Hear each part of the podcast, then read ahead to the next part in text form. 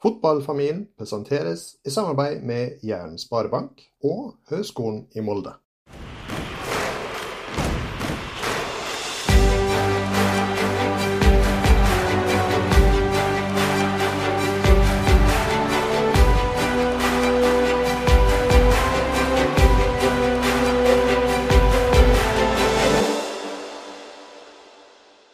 Velkommen til Fotballfamilien, en podkast for deg som er glad i fotball. Mitt navn er som alltid Anders Solfjell Gjerseth, og med meg i studio eh, junior Sander. Velkommen. Hei. I dag har vi med oss en ekstremt kjekk og spennende gjest, ikke minst fordi at Sander faktisk eh, kjenner han personlig. Eh, jeg har jo òg sett han springe rundt på fotballøkka når han var mindre. Han har jo faktisk skapt litt overskrifter både her lokalt, men òg nasjonalt det siste året, som landet, så vidt som jeg vet, yngste leder for en fotballklubb, i hvert fall på så høyt nivå som i Post Nord. Han tok over roret i andredivisjonsklubben Egersunds IK, som har så langt vist seg oppgaven ganske voksen, vil jeg si, ved å ansette en ny trener og skifte ut mye av spillerstall, og per dags dato så ligger de jo an til et ganske historisk opprykk til neste øverste nivå, hvis de holder koken. Så velkommen til deg, Matheus Bortsen. Jo, tusen takk for det. Som du sier, at jeg kjenner jo til både deg og Sander med tanke på ja, Egersund-tilknytningen. Og du var jo trener selv i Eik, så jeg husker jo husker jo til begge dere. Og så er jo Sander trener i klubben nå, så jeg som er daglig leder og Sander på gutta 13, så ja, så kjenner jeg jo til det. Så det er jo kjent fjes sånn sett. Hyggelig. Jeg må jo innrømme det at jeg tror ikke det er mine trenerferdigheter du husker meg for, i hvert fall. Det skal jeg bare si. Uten å være for beskjeden. Men du, hvem er Matheus Bårdsen egentlig? Nei, det det er et godt spørsmål. Det er litt ukjent blad i forhold til sikkert noen av de andre gjestene dere har hatt. Jeg er jo eh, daglig leder i Eik, eller Eik fotball, da. Um, ble det i fjor. Uh, nærmer seg nå i høst faktisk ett år i jobben. Uh, 21 år nå.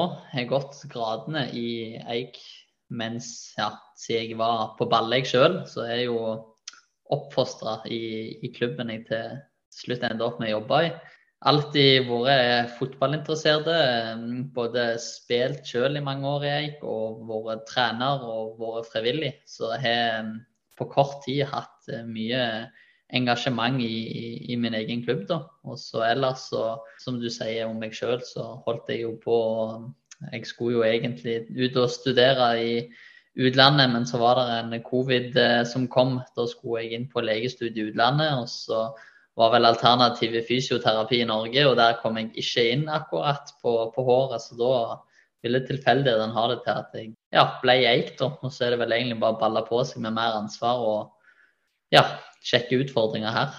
Altså lege eller fotballeder, det var et ganske stort sprik? Ja, det, det, kan du si. Jeg er jo alltid sånn sett vært interessert i det på sida.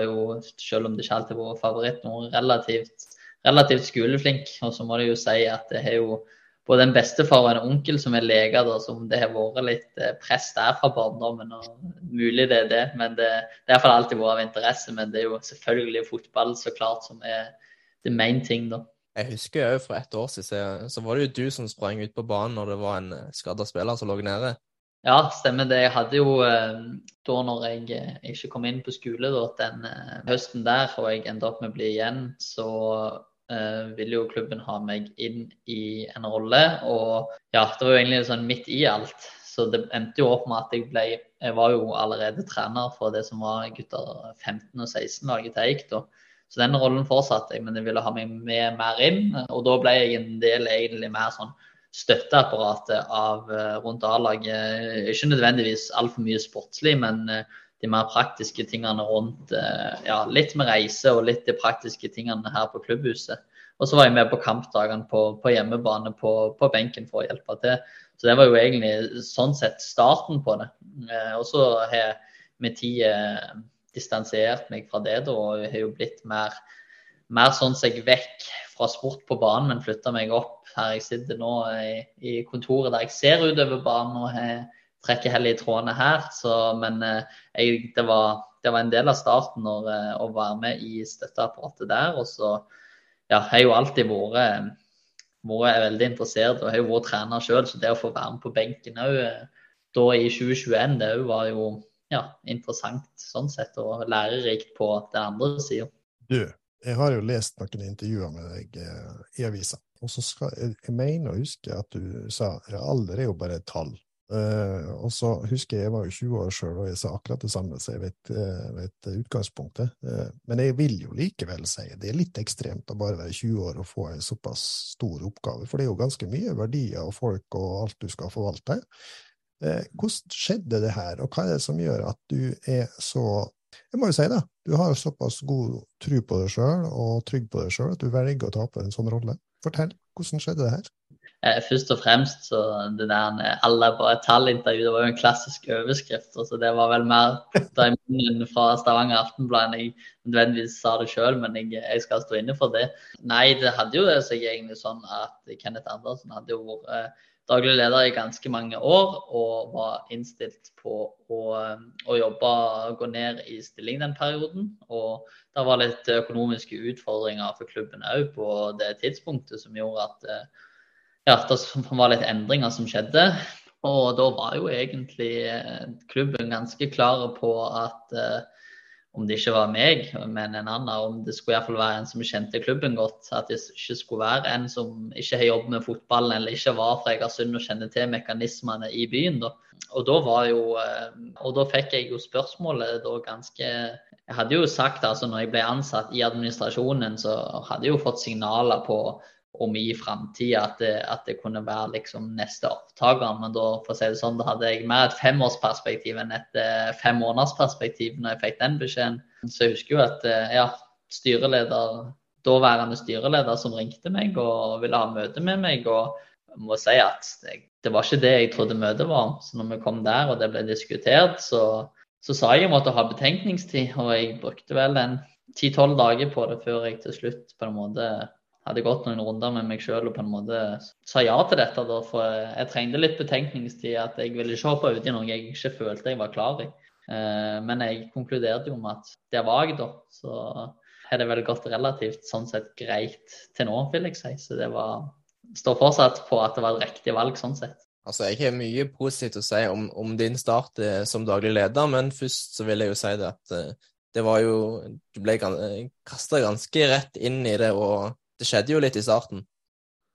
Ja, det, det gjorde det. Og da regner jeg med å referere til at både hovedtrener og, og assistenttrener, både Ojan Bijan og Geir Rune Ormli, eh, trakk seg. Eh, hadde jo egentlig begge ett år igjen av kontrakten sin i Eik.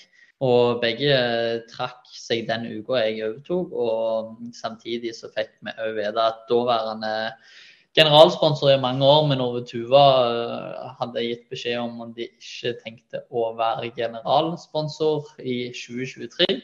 Så det var jo kasta til ulvene, det, må en si. Og uansett alder så hadde det vært litt av en omveltning uansett hvem som satt i den stolen da. Så det var en bra start, men samtidig gode folk rundt meg. Hadde jo de som fortsatt var Kenneth med vår dagleder i så mange år og har en del erfaringer hadde jo styreleder daværende som var Per Trygve, og samtidig mange folk rundt klubben som nødvendigvis ikke har verv, men er ja, oppegående og, og, kan relativt mye om klubbdrift.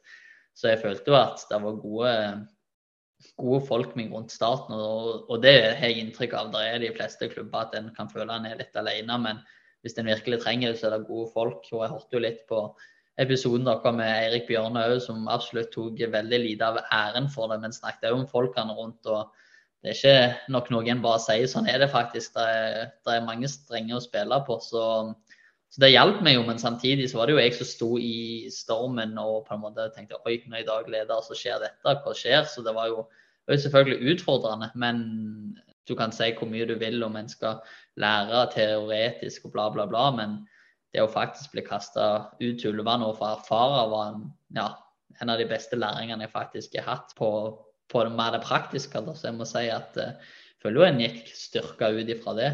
Jeg må jo skryte litt. så Jeg, jeg syns jo at det trenervalget, bl.a. Av, av mange faktorer, at kanskje jeg gikk for noe litt nytt i forhold til det jeg ikke har hatt tidligere i år. Eh, det trenervalget er jo sitt på til å være et, eh, en kanonsignering, men jeg vil òg se på mange andre plan, eh, selv om det går bra sportslig nå, at eh, jeg ser jo mange komme på kamper, mye mer enn kanskje i fjor og, og, tidligere år. Og jeg ser kanskje en, en, en mye større entusiasme enn det jeg har sett på mange år i, i Egersund. Ja, bank i bordet akkurat nå. for Typisk når du sier at det har vært en kanonsignering, og så er vi bare til sommeren nå. Men eh, absolutt, det har vært en, eh, har vært en veldig bra vårsesong. Eh, der vi hadde siste kamp i går og slo Brattvåg 3-1 og tar ferie nå iallfall i ja, fire uker før vi skal møte Lyn. Så det har vært en veldig, veldig bra vårsesong med Kjell André, som kom inn som hovedtrener, har gjort en veldig god jobb.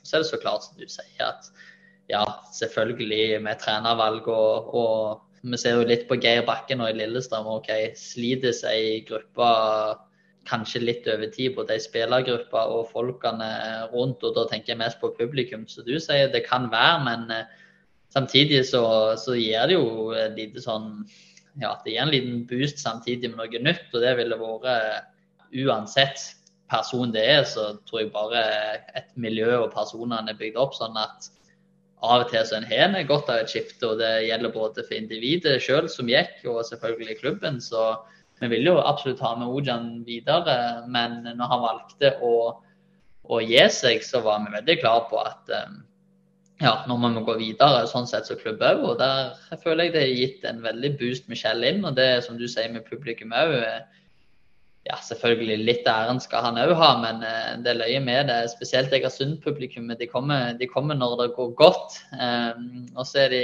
eh, kravstore. Så det var jo sånn når vi slo fram Larvik her for ja, vel sist hjemmekamp, så var det 4-1-seier. Men det, det, blir møtt med etterpå.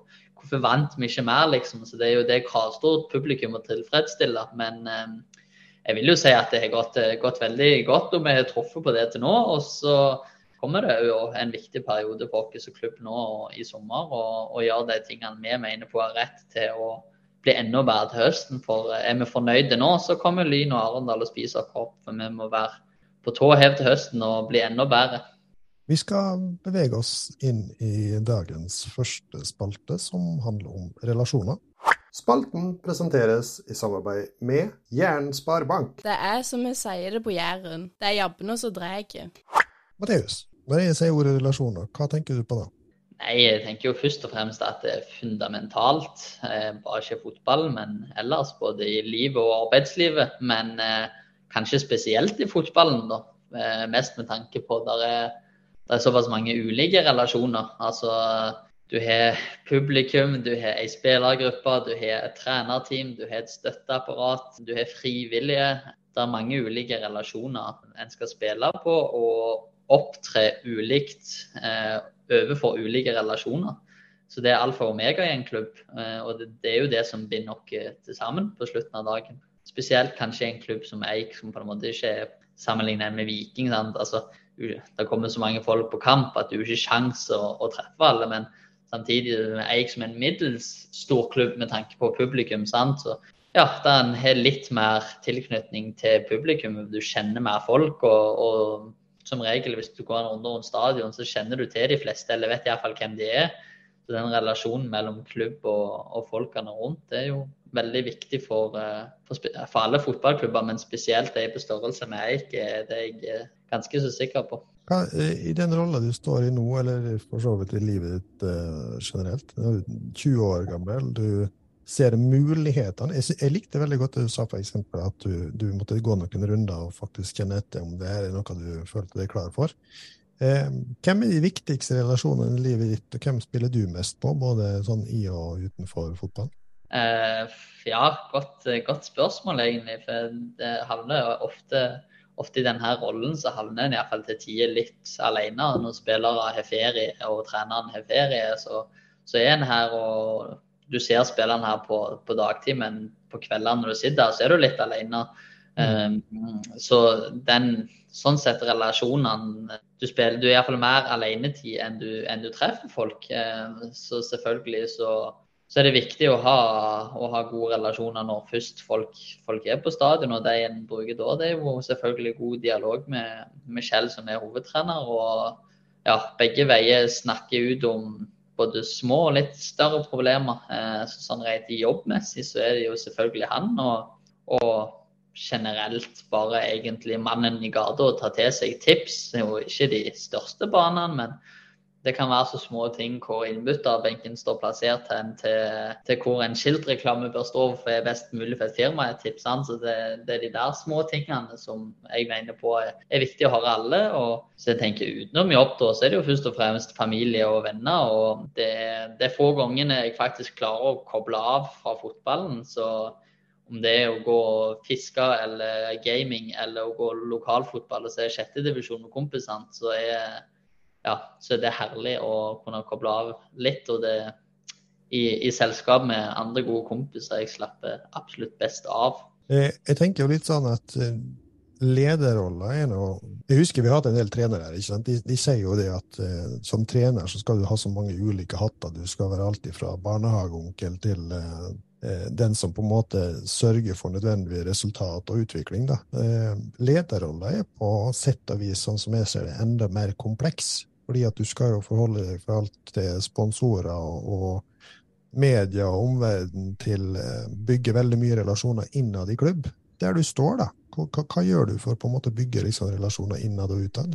Nei, Først og fremst så er det enkelt og greit å, å være tilgjengelig. Eh, og, og, være der for om det er, som jeg sa i stad, om det er en mann i gata som har et eller annet innspill, eller om det er Sander på gutta 13 som uh, trenger et eller annet, eller har hatt et utlegg for en turnering. Uh, og så er det selvfølgelig vanskelig å rekke over alle, men selvfølgelig uh, det viktigste er på en måte å være til stede og kunne føle at de har noen de spiller på.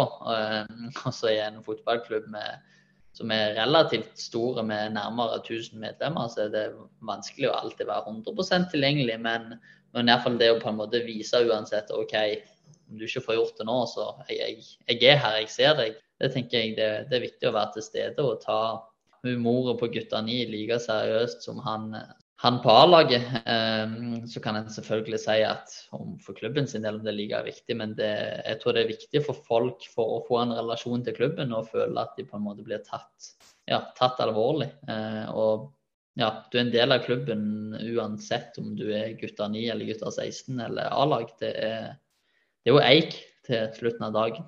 Det jeg lurer litt sånn på, altså Eirik Bjørne som vi hadde tidligere, han har jo mange flere ansatte i Viking enn det som er i Eik, f.eks. Og du sier jo det, du må være tilgjengelig for alle. men det er jo spesielt nå som det er Dana Cup, forresten, så det kommer jo mange spørsmål. Eh, du får, det kan være alt fra noe utstyr til noe ja, noe reisegreier. sant? Du får mye spørsmål. Hvordan er det Det er jo du som måtte svare på nesten det meste. Hvordan er det liksom Hadde det vært enklere med litt flere ansatte i klubben, eller hvordan tror du forskjellene der er?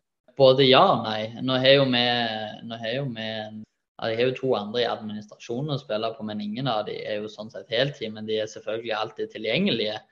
Men en må jo respektere av og til enkelte ganger så har de, de andre ting, og da er en alene. Eh, og så tror jeg at eh, på andredivisjon så ja, og mindre klubber jo her, sånn sett Hadde vi vært i tredjedivisjon, så hadde situasjonen sikkert vært lik sånn administrasjonsmessig. Men jeg tror på de sånn mellomstore klubber så ja, det må være mye på en daglig leder. For skal du ansette til på dette nivået, så tror jeg samtidig at uh, da er det litt for lite å gjøre i andre enden. Selvfølgelig at OK, du kunne jobbe 37,5 timer, men alle som vet i en fotballklubb OK, sånn er det ikke. Det vil dukke opp ting. Men samtidig så skulle vi gått opp til Obos-ligaen, og der det følger mye mer med, så, så er det klart en, en, hadde trengt nok en person til å kunne spilt på i administrasjonen. Og det hadde nok vært noe klubben hadde prioritert.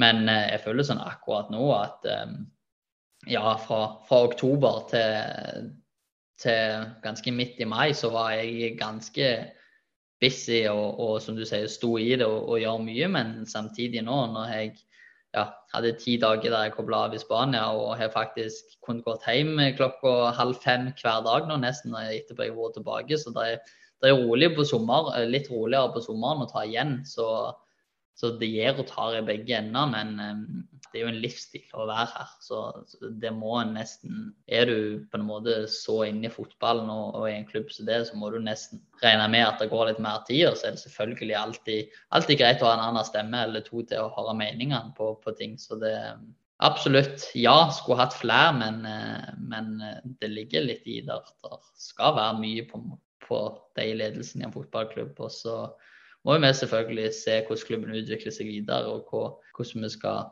fornye oss der. Men akkurat nå så det går ganske greit. Det gjør det. Det er vel litt som, som, som Bjørne sa, det at eh, selv om du er ung, så kan jo det kanskje bety at du har enda mer å gå på.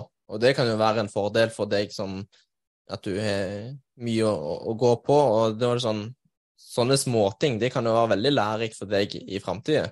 Absolutt, eh, og det du sier, det må være unge. Nå er jeg jo, er jo 21, og til neste år blir det 22. Eh, fortsatt mye, mye, energi, som du sier, og kan jobbe lange dager. Og så tror jeg uansett om det hadde vært en ny person, så når du kommer inn i rollen, om du hadde vært 30, i det tilfellet òg, så vil du jo alltid ha en boost eh, når du kommer inn i, en, i en ny rolle, i en jobb. Så selvfølgelig så, så har jeg jo den go-en, og så tror jeg òg det er veldig viktig å ha Selvfølgelig hadde jeg vært i en annen klubb, så vil du selvfølgelig gjøre en god jobb, men når det er barndomsklubben og Eik som du er såpass glad i, å ha den kjærligheten til klubben, eller iallfall en eller annen tilknytning, så tror jeg det gir vel så mye motivasjon til å jobbe mye enn hvis den er en utenstående som ikke har noe særlig kjærlighet til klubben utenom at du går på jobb, hvis du skjønner.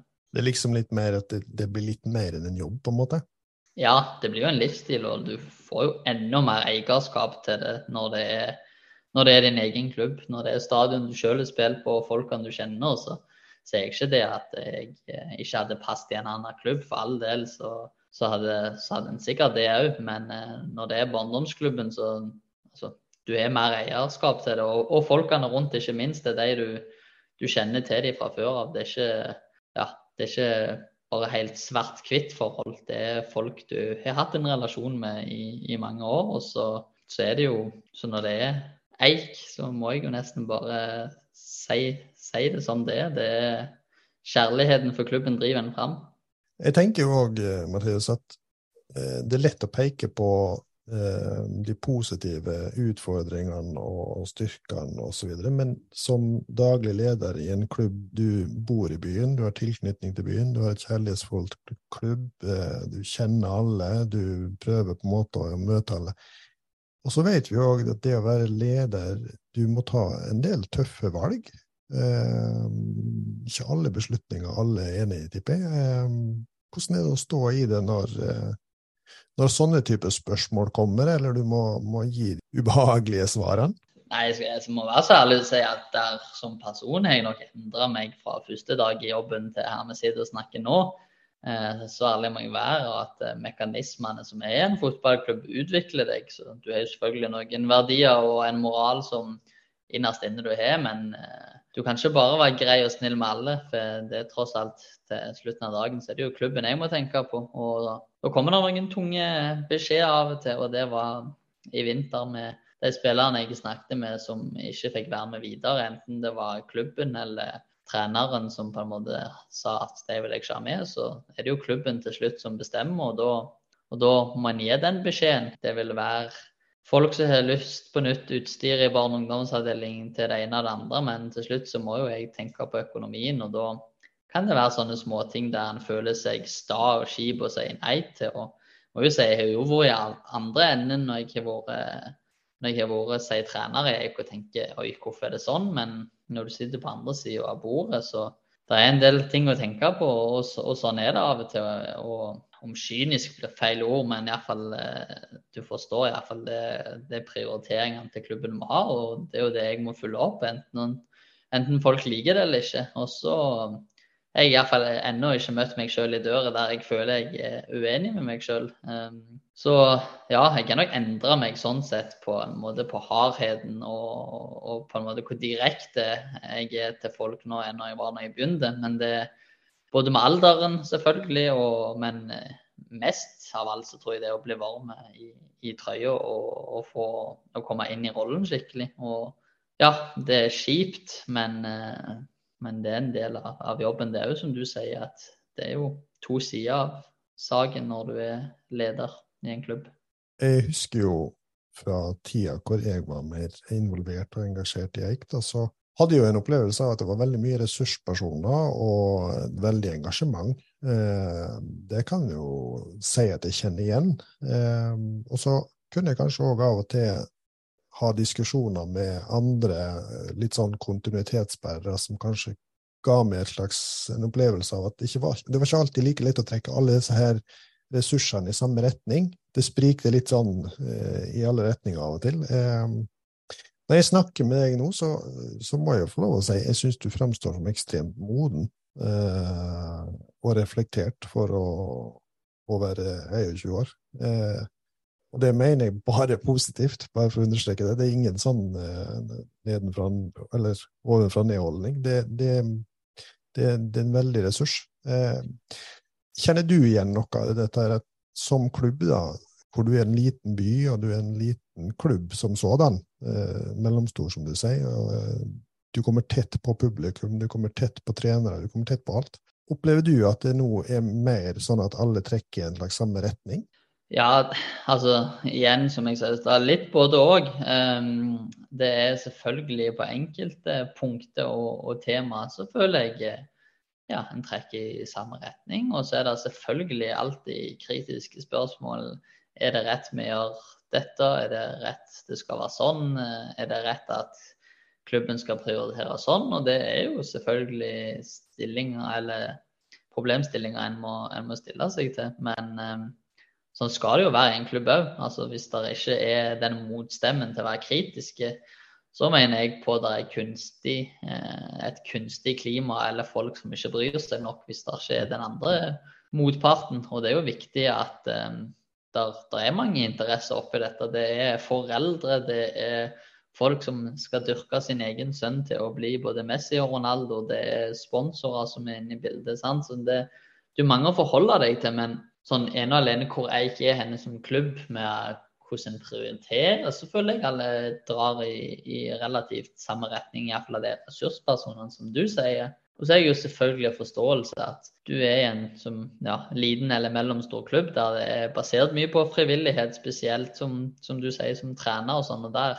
der vil det jo være motstridende noen ganger. og Jeg vet ikke om Sandra kjenner til det, men det vil jo være sånn internt i teamet òg noen ganger på at ikke som et A-lag der du på en måte er nesten håndplukket hvem som skal sitte der. Du, du er avhengig av, av ildsjeler og foreldre som, som, vil dette. og Det vil selvfølgelig da òg kunne være motstridende interesser. for De er ikke ansatte, de er frivillige og er medlemmer av klubben og, og viktige personer for jeg skal kunne ha det tilbudet de har òg i barne- og ungdomsavdelingen. Så det er sunt. Og på noen områder så syns jeg bare det er bra at folk er kritiske og utfordrende. Og så føler jeg på i de store banene at vi begynner å bli ganske samla som klubb. Det er stor forskjell på å være kritisk bare for å være kritisk, og være kritisk fordi at en ønsker utvikling, ikke sant? Og jeg tenker jo at eh, der alle er enige, eh, skjer det jo ingenting. Eh, der dør jo alt. Uenighet er jo det som driver oss framover. Det er jo mer hvordan vi klarer å samle om oss felles mål. En annen ting som jeg òg har lyst til å spørre deg om, ikke for å bli for liksom, lokal og, og, for de som hører på som er utenfor eh, Rogaland, men det er jo eh, kjent, i hvert fall helt lokalt, at det, det, er jo mange småklubber, ikke sant? Og i Egersund også er det jo to klubber som i alle år har rivalisert. Og eh, helt siden jeg flytta til byen i 2001, så har du jo hørt liksom den der tanken om å slå de sammen, eller samarbeide tettere, osv.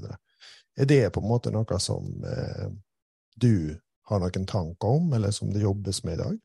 Ja, nå var det jo Det er jo kommet, det er jo kommet offentlig sånn sett. eller Folk i Egersund vet jo at det har vært dialoger om, om, å få til et samarbeid. Og så er det ikke helt klart å komme til, til, enighet om det, men jeg tror absolutt at om ikke i 2023 eller 2024 at det er nødvendig, så tror jeg iallfall på sikt i en såpass liten by der du ser at ja, frafallet i idretten er såpass stort at um, jeg tror det vil på sikt være nødvendig for begge parter, om det skjer på seniornivå eller de største ungdomslagene, men, eh, men iallfall nedover i rekkene. Eh, for Jeg tror spesielt på jentesida så ser vi en alene for å ha kull at er, det nesten er nødvendig.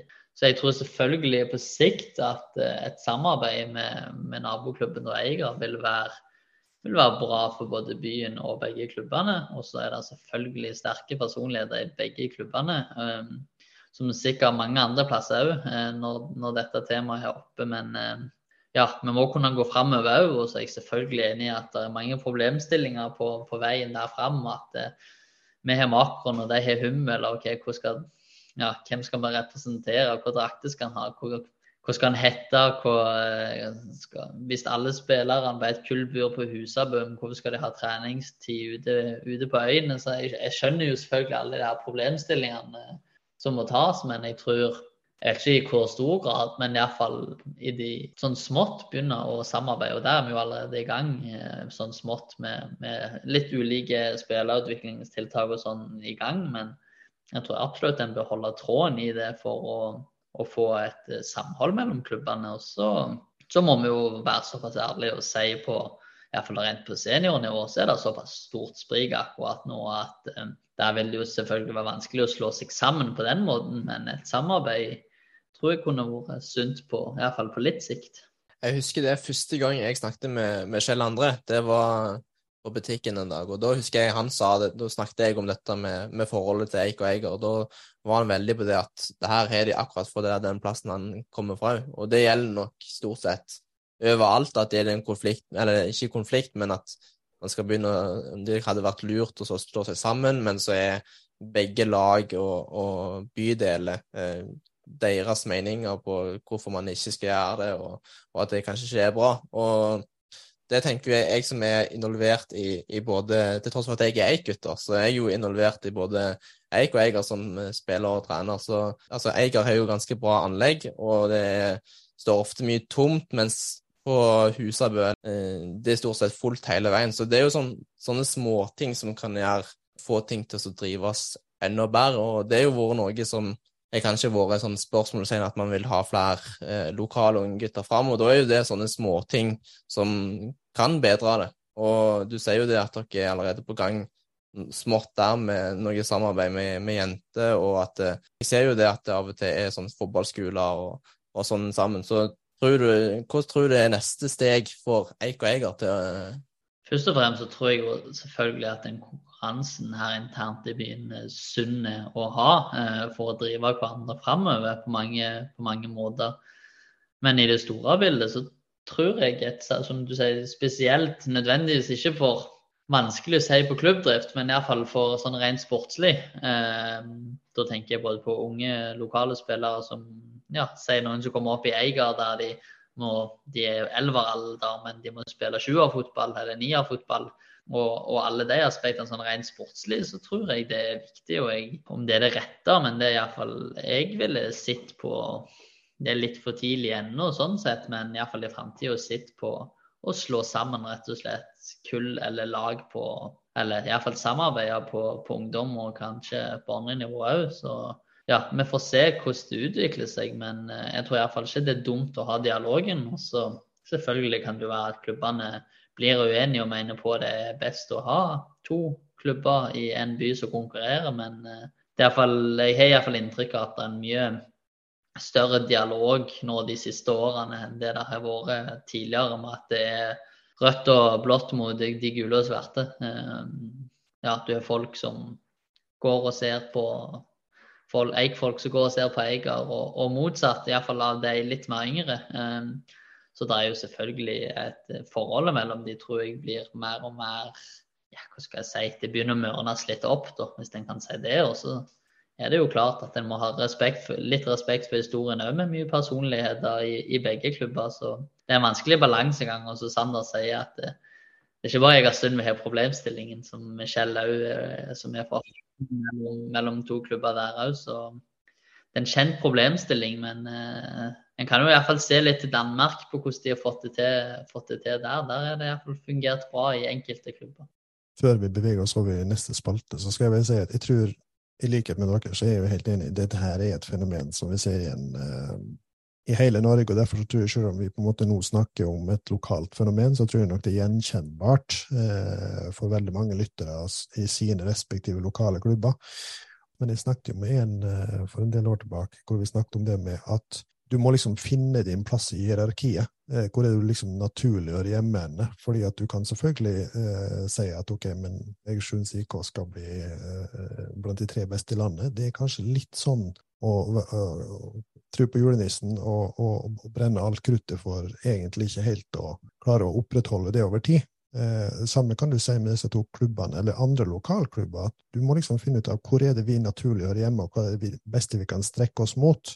Fordi jeg tror hvis du bare skal god, ok, vi, vi er et middels andredivisjonsklubb, så vil jo på en måte all utvikling stoppe opp i forhold til det. Men hvis du vil si ok, vi er en andredivisjonsklubb som skal være en utviklingsklubb, så kan jo det være masse drive i det. Mens hvis en har lyst til å pushe på for å komme oppover i fotballhierarkiet, så er jo det noe helt annet, og da må du nødvendigvis også gi avkall på noe annet. Det var bare en liten refleksjon. Jeg tenker litt sånn, For, for å bevege oss over i, i, neste spalte, så har jeg bare lyst til å spørre om én ting. Og det er eh, Jeg har jo sjøl fått erfare at i Egersund eh, så kan du være bestekompiser og stort sett være enige om det meste, men når det kommer til fotballen, så skilles våre, våre, veier. Og da kan en være nesten sånn bitre fiender i det øyeblikket en kommer på banen. Hvordan har det vært for deg, skulle du si, og, og du er jo eikgutt i, i, blodet, men hvordan har du på en måte kompiser i begge leirer? Mest så er jeg jo På vårt kull så var det faktisk ikke kull på, på Eiger. På, som vi, vi, spilte egentlig aldri i grunn mot dem, for de hadde ikke kull på mitt kull. Så det er egentlig bare blitt veldig sånn naturlig med ei-kompiser. Men jeg er jo en av mine beste kompiser som har spilt ja, mye på B-laget til Eiger i år. Sant? Så det mm. er jo relasjoner selvfølgelig i den andre klubben, og, og, og kjenner jo mye folk. Så ja, er noen spillere som jeg har trent der foreldrene er igjen i Eiger, men ungene går til Eik. Sant? Så det, det blir mer og mer på en måte det blir mer og mer akseptert, hvis en kan si det. Så jeg, jeg, kjenner folk i begge leirer, og det er jo Sander er jo det er vel den største på en måte synderen, hvis folk kaller det det, oppi dette med å være, ha begge klubbfagene på. Men uh, det er nødvendigvis ikke feil, det. Og det er det jo flere som har, som, som, du sier, OK, de spilte ikke i Eik, men for å holde i fotballen, OK, så var de på Eiger 2, og det er nødvendigvis ikke feil, det. Så det um, jeg føler at det som, du, som jeg sa i stad, og gjentar jeg jo meg sjøl, men det er blitt ganske normalt å ha, å ha relasjoner i, i begge leirer, ja, iallfall blant de yngre. ja. Vi skal over til neste spalte, som er om læring og utvikling. Spalten presenteres i samarbeid med Høgskolen i Molde. Selv om du ikke per nå er fotballtrener, men fotballeder, så har jeg likevel lyst til å spørre deg, hva er fotballfilosofien din? Hva er liksom hva tenker du er det viktigste når du tenker lag, og, og hvordan de skal framstå?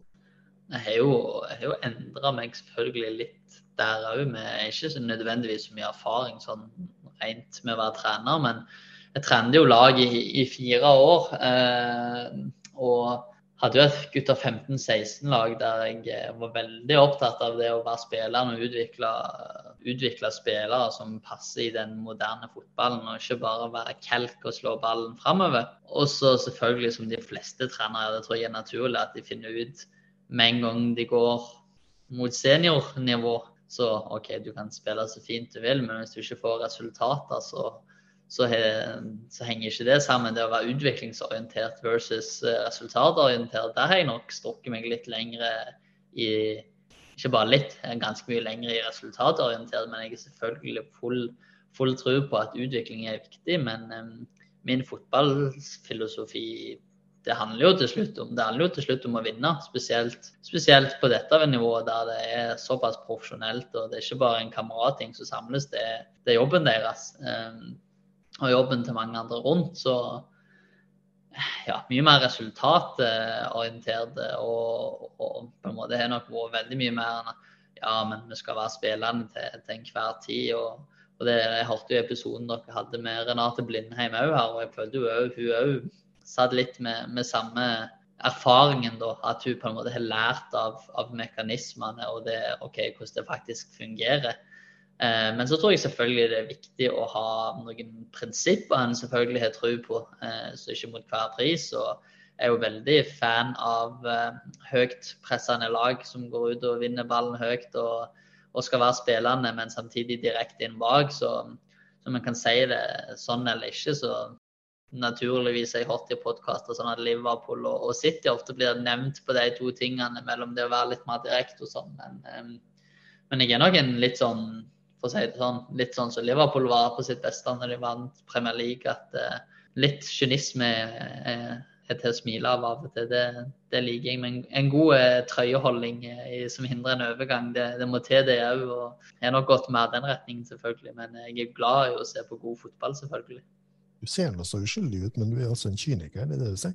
Sitter meg på banen har vel sett at eh, kan bedra at det er blitt litt gule kort både, både i lavere divisjoner som jeg spiller i nå, og i ungdomsfotballen. Så skinnet bedrar. Jeg vet jo det at mens du har vært daglig leder, så har du holdt på med et eh, UFAB-kurs som du eh, har fått. Og jeg, jeg lurer på, har du noen ambisjon om en dag kanskje gå videre som fotballtrener, eller tenker du nå at du vil fortsette på den retningen du er nå i daglig leder? Jeg søkte meg jo inn på UFAB når jeg var trener. Og så når kurset begynte, så var jeg ferdig som trener og hadde egentlig gått inn i rollen. Men jeg syns jo det er grevelig kjekt å være direkte med spillerne òg, og det å være trener, altså følge med der. Um, så for å si det på, på, en annen måte, så håper jeg for min egen del at jeg, jeg skal trene lag igjen en gang i framtida. Om om det så blir å eventuelt trene framtidige unger og følge dem opp og være trener, eller om det blir på høyt nivå, det, det får tida vise. Men absolutt det å være trenerrollen syns jeg det er noe eget med. så om det ikke blir på høyt nivå som trener, absolutt, så håper jeg iallfall å, å følge opp den trenerbeden litt. Men det er jo selvfølgelig avhengig av, av rollen jeg har i klubben nå. Det går, det går mye tid med å være dagleder leder og være trener på toppen av det.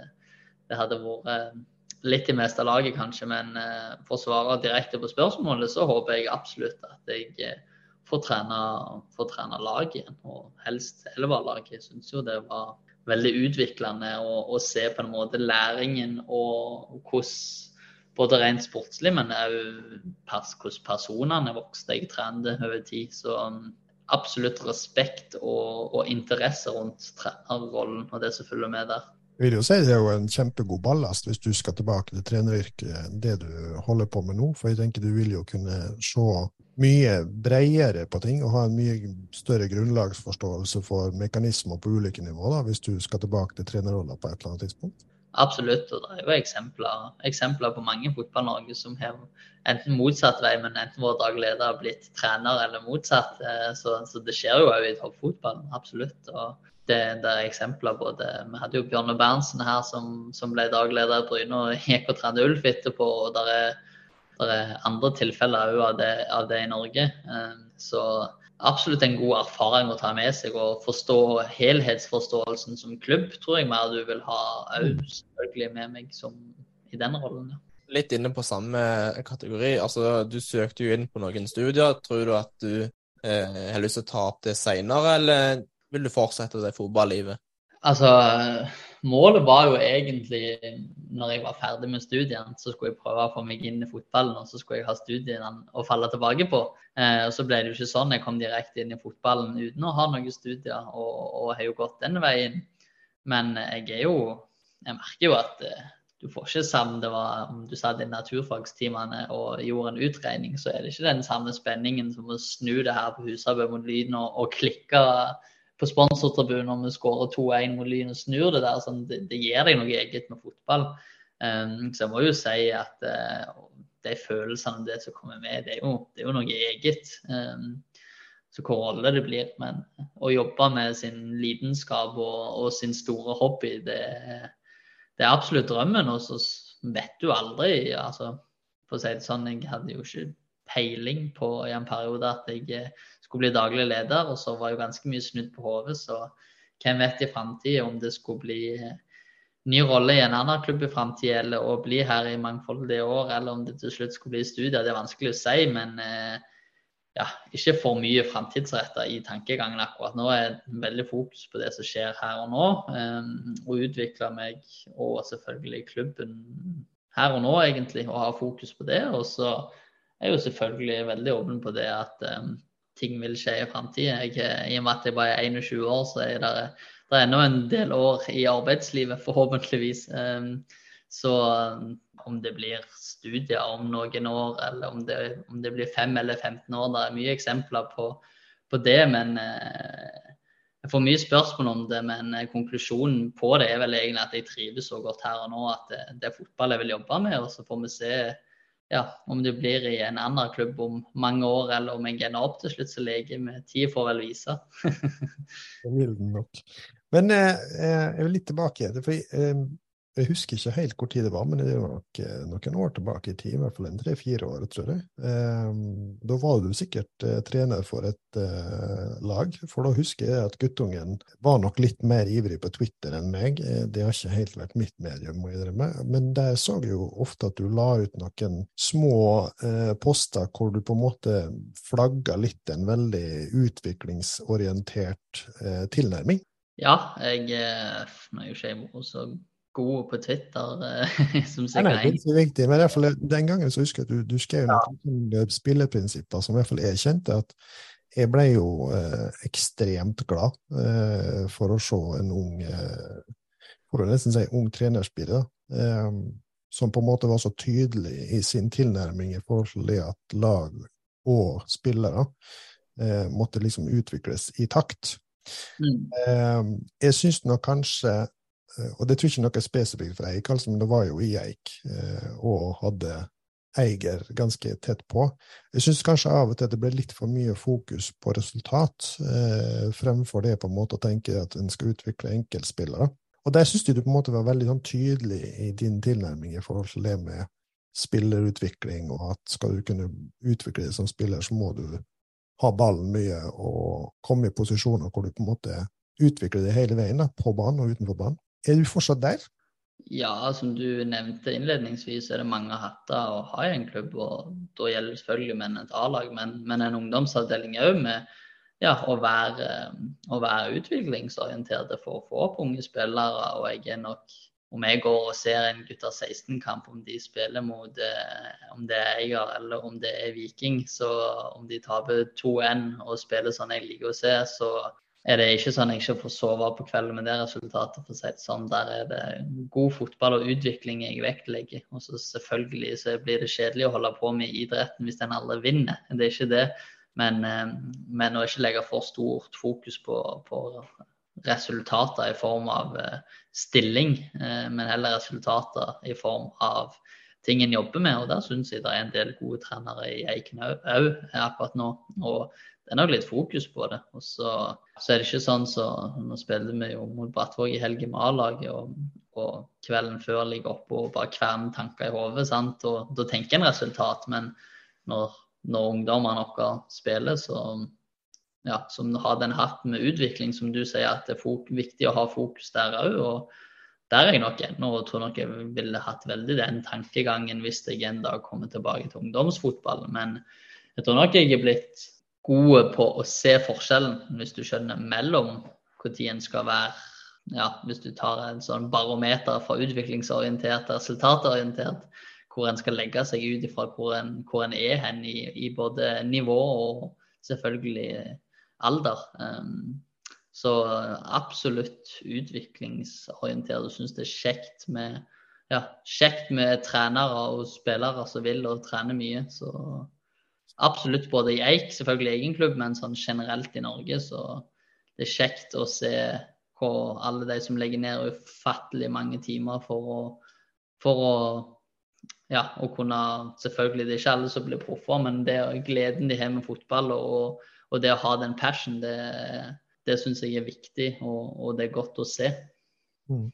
Jeg har jo, jeg eh, vet ikke om du har hørt den episoden, men vi snakket jo med Ørjan Nygaard, som jobber i Bodø-Glimt og, og, og, det apparatet. Eh, han kjenner jo godt, jeg har jo vokst opp eh, et steinkast ifra han. Og han sier jo noe om at han har gitt meg mye tyner opp gjennom det å komme med litt sånn halvkveda spørsmål. Så gir han mye tyn, for han sier at grunnen til at Kjetil Knutsen er så god som han er, handler noe om at han er helt rå i forhold til det med hele veien tenker på å bli bedre. Det er veldig lite resultatfokus, og nesten sånn resultatsnakk er nesten fraværende. Og jeg tenker jo det er litt sånn, uten å sammenligne oss opp mot de eller, eller hans filosofi, men jeg er mer opptatt av at i en klubb som Eik, da, som både skal kunne være noe som skal være et flaggskip lokalt, som du sier. Det skal være en tilhørighet, identitet til klubben. Det er kanskje ekstra viktig, da, i og med at du har to små klubber som er så tett på hverandre. Så er det jo viktig å få opp unge spillere som,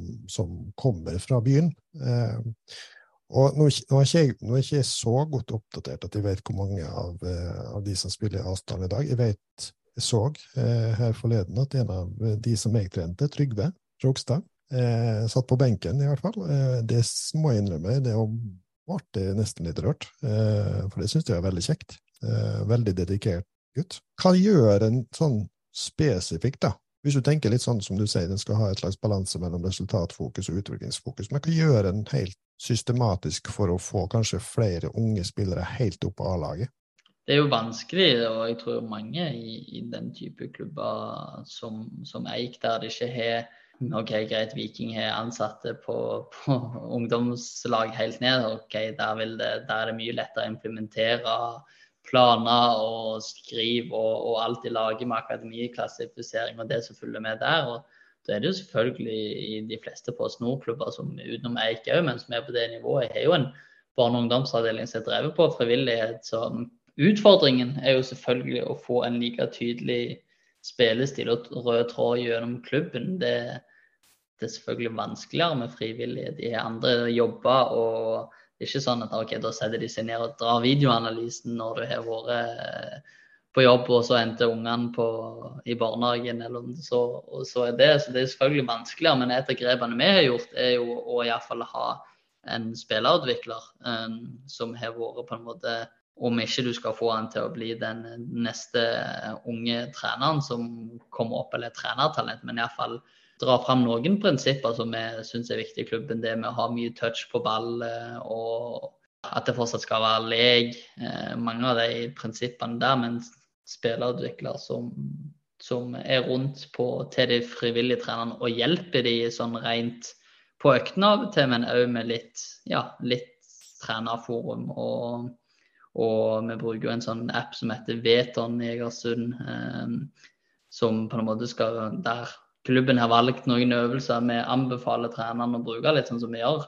Litt sånne spesifikke ting for å, å ha fokus på det. Og så må vi jo være så ærlige og si at det er selvfølgelig mye vanskeligere en sånn klubb å ha den røde tråden like godt som det er for de største klubbene. Men det, det er jo selvfølgelig naturlig òg. Men vi gjør iallfall vårt med å ha en spillerutvikler som tenker fotball sånn som vi i klubben tenker. Da. Og så om det på en måte ikke blir, som jeg sier, om det ikke blir akademiklassifiseringen til Viking på det, så iallfall det at er noen prosent pusher for å utvikle, det tror jeg er viktig enn å enn å drite i det i hele tatt og tenke at Viking er så mye bedre enn oss. Eh, skal vi drite i det? det?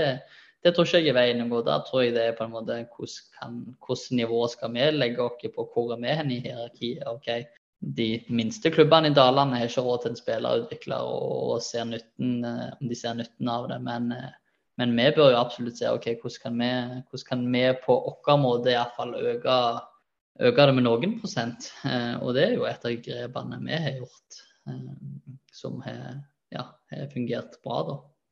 Vi snakker jo med Louise Rogers Holte, som er mentaltrener i Sarpsborg. Hun brukte ordet dedikasjon. Eh, at du må liksom ha en dedikasjon til å bli bedre, og dedikasjon til å utvikle det hvis du skal ta steget. og vi snakket en del med henne i forhold til det med unge spillere, om de er sultne nok, eller om for mye blir tilrettelagt. Eh, hvis jeg skal se tilbake på det kullet jeg var med og trente på, vi hadde jo mange som var flinke, og som var gode råtalenter. Men jeg har tenkt mye ofte på det etterpå, at jeg tror kanskje en får for mye tilrettelagt. Da. Jeg husker jo den gjengen som dere var. Dere bodde jo på Slettebøl og Husabø.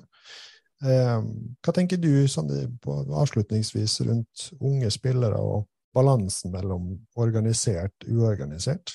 Eh, det organiserte er jo det på en måte som, som, vokser, og det er jo nesten en forventning i samfunnet om alt skal være tilrettelagt. Og, og det er jo egentlig litt sånn imot. Jeg liker den, som du sier, den, den løkkefotballen og at folk Jeg tror, eh, som du sier, du, med for mye organisert trening så dreper du kanskje gnisten på noen som med bare lek på fritida ville, ja, ville kanskje heller blitt lenger i fotballen. Så selvfølgelig eh, er det viktig med organisert trening og ha kvalitet på det. men det er en gjenganger, hører jeg at de fleste sier. De, den løkkefotballen og, og det, den kosen eh, med ballen eh, er viktig. Og det tror jeg vi er pga. mange forbinder løkkefotball med. ok, det, var, det er egentrening. Det er folk som har en dedikasjon til å bli sultne. Så selvfølgelig viktig når du først trener organisert og gjør det med kvalitet og, og, og gjør det,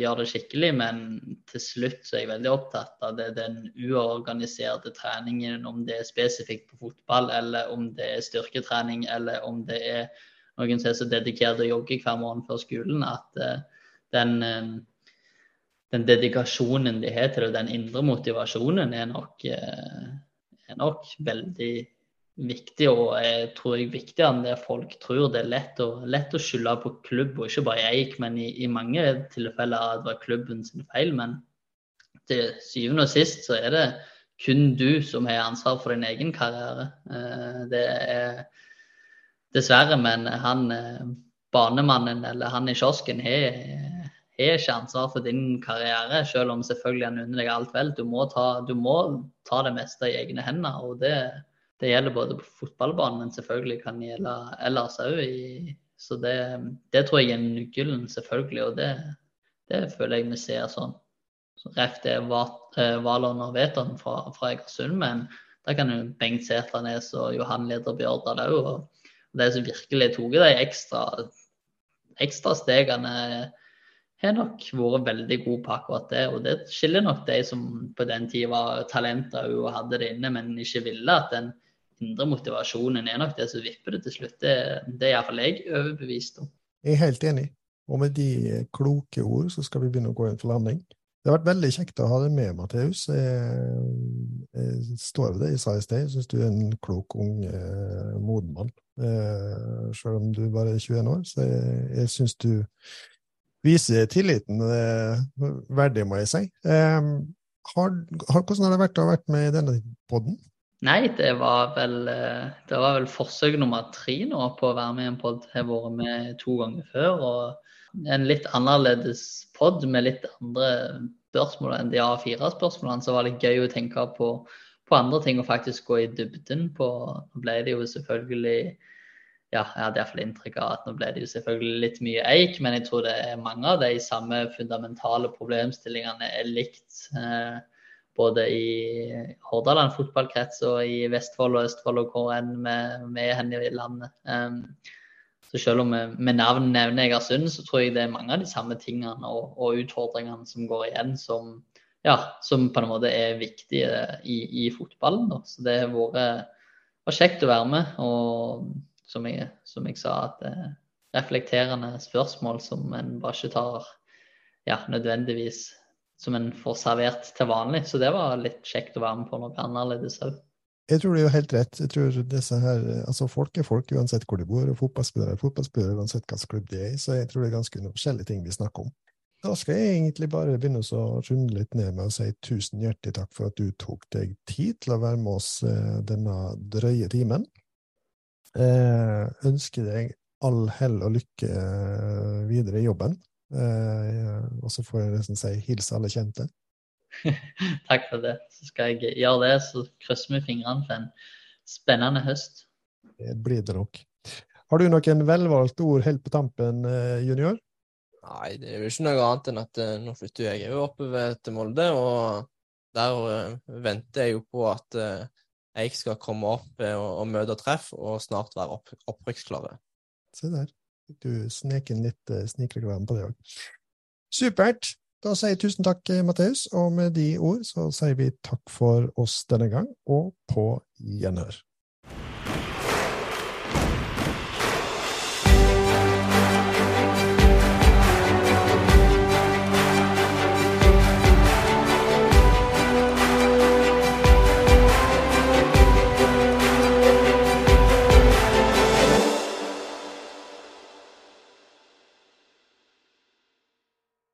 Fotballfamilien ble presentert i samarbeid med Jæren Sparebank og Høgskolen i Molde.